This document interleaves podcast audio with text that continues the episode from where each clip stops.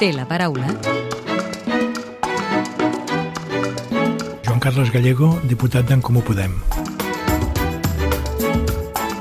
Vostè encapçala les negociacions dels comuns amb el govern pels pressupostos de la Generalitat de l'any que ve. Com van aquestes negociacions? Estan lluny o prop de l'acord? Bueno, avancen uh, lentament. Jo crec que hem començat tard, jo crec que el govern uh, no ha entès que uh, és important que aquest país tingui pressupostos i que els tingui efectius des de l'1 de gener i si hagués volgut això s'hagués tingut que posar abans. Hem començat a negociar, Mm, però de moment ho estem, hi ha una certa lentitud en la negociació. Nosaltres hem posat sobre la taula les nostres propostes, també amb els eixos prioritaris, i bueno, el govern ens està començant a contestar. Veiem que en alguns terrenys es pot avançar, però que en d'altres encara les posicions estan allunyades i necessitem més concreció i compromís per part del, del govern. No? Per tant, lentament i, bueno, i amb necessitat de més concreció. En quins terrenys creu que hi ha més aproximació amb el govern? Bé, jo crec que hi ha alguns temes que el govern ha entès que són estratègics i que no pot eh, donar-li la volta, eh? Vull dir, els temes d'energia, els temes d'habitatge, eh, fins i tot el tema de salut, o la necessitat d'un pla de xoc per fer front als efectes de la inflació en famílies i també en petites empreses i autònoms. Crec que és conscient que aquests temes eh, han de formar part de l'agenda política i, per tant, pressupostària. Un altre dels punts calents, si ho volem dir així, de la negociació és el tema de la fiscalitat. En Comú podem demanar una fiscalitat més progressiva, que passa, per exemple, per apujar alguns impostos com el de patrimoni o els trams superiors de l'IRPF. Veu el govern amb voluntat de tocar la fiscalitat?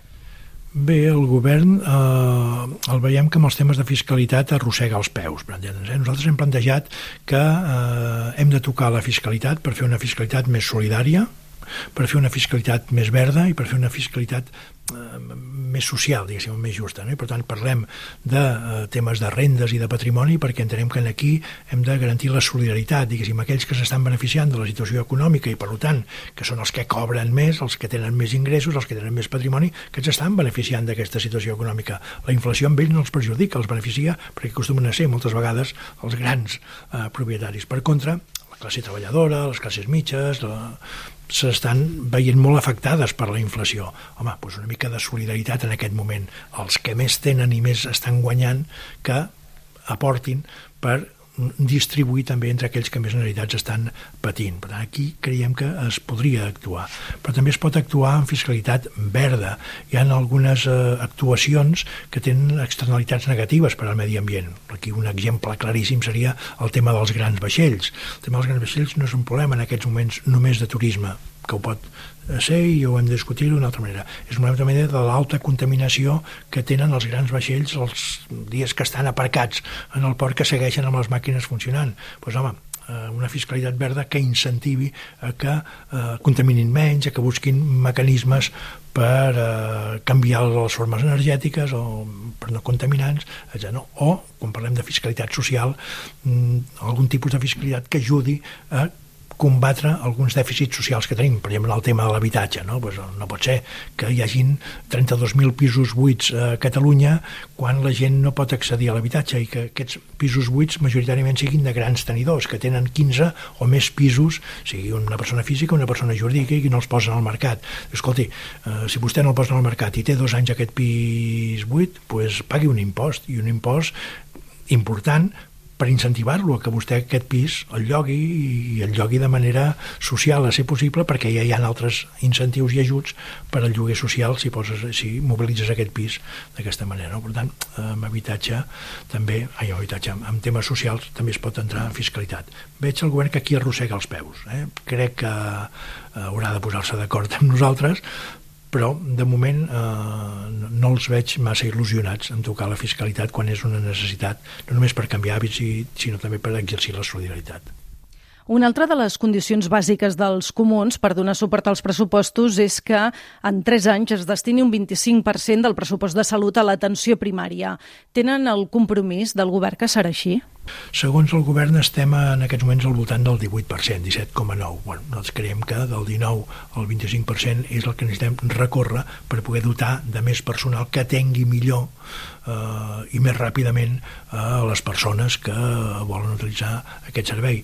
Això va en benefici de la salut pública general i també de la pròpia menor despesa fins i tot del conjunt del sistema públic sanitari, perquè si tu reforces la primària, possiblement l'atenció hospitalària baixarà, perquè hauràs previngut més i hauràs evitat omplir els hospitals, eh, sigui d'urgències o de casos que ja arriben perquè no han pogut ser atesos prèviament. No? Per tant, creiem que és una aposta eh, des del punt de vista de la salut pública molt important per a les persones, però també té una eficiència econòmica. Per tant, aquí eh, ho hem posat, diguéssim, una condició forta en aquesta negociació. Per aritmètica parlamentària, però, Esquerra no en tindria prou només si els comuns acabessin donant suport als pressupostos. Caldria també l'aval o bé de Junts per Catalunya o bé del PSC. Qui veu més fàcil que entri en l'equació pressupostària?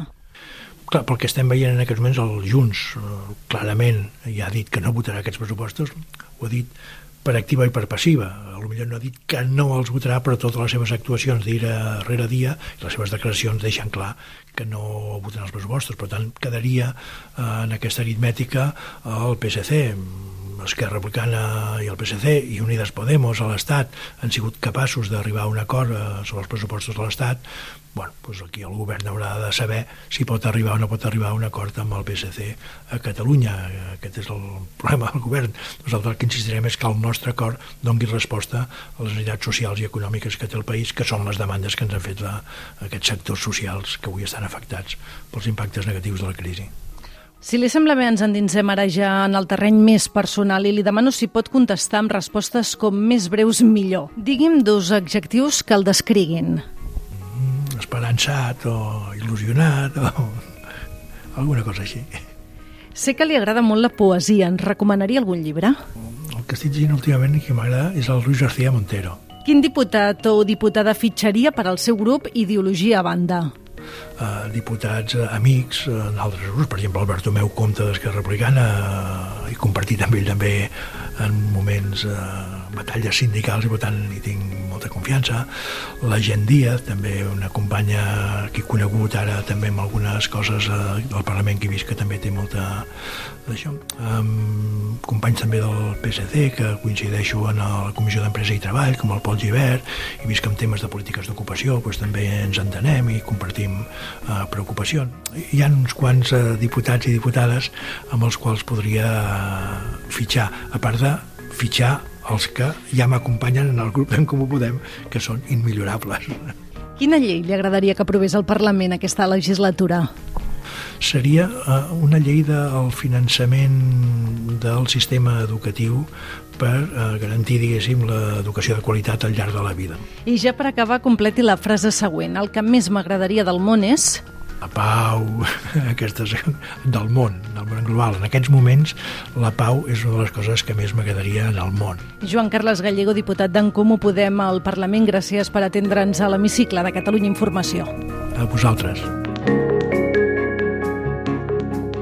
Podeu tornar a escoltar l'hemicicle al web catradio.cat barra hemicicle o al podcast del programa i seguir l'actualitat del Parlament al perfil de Twitter arroba L-hemicicle.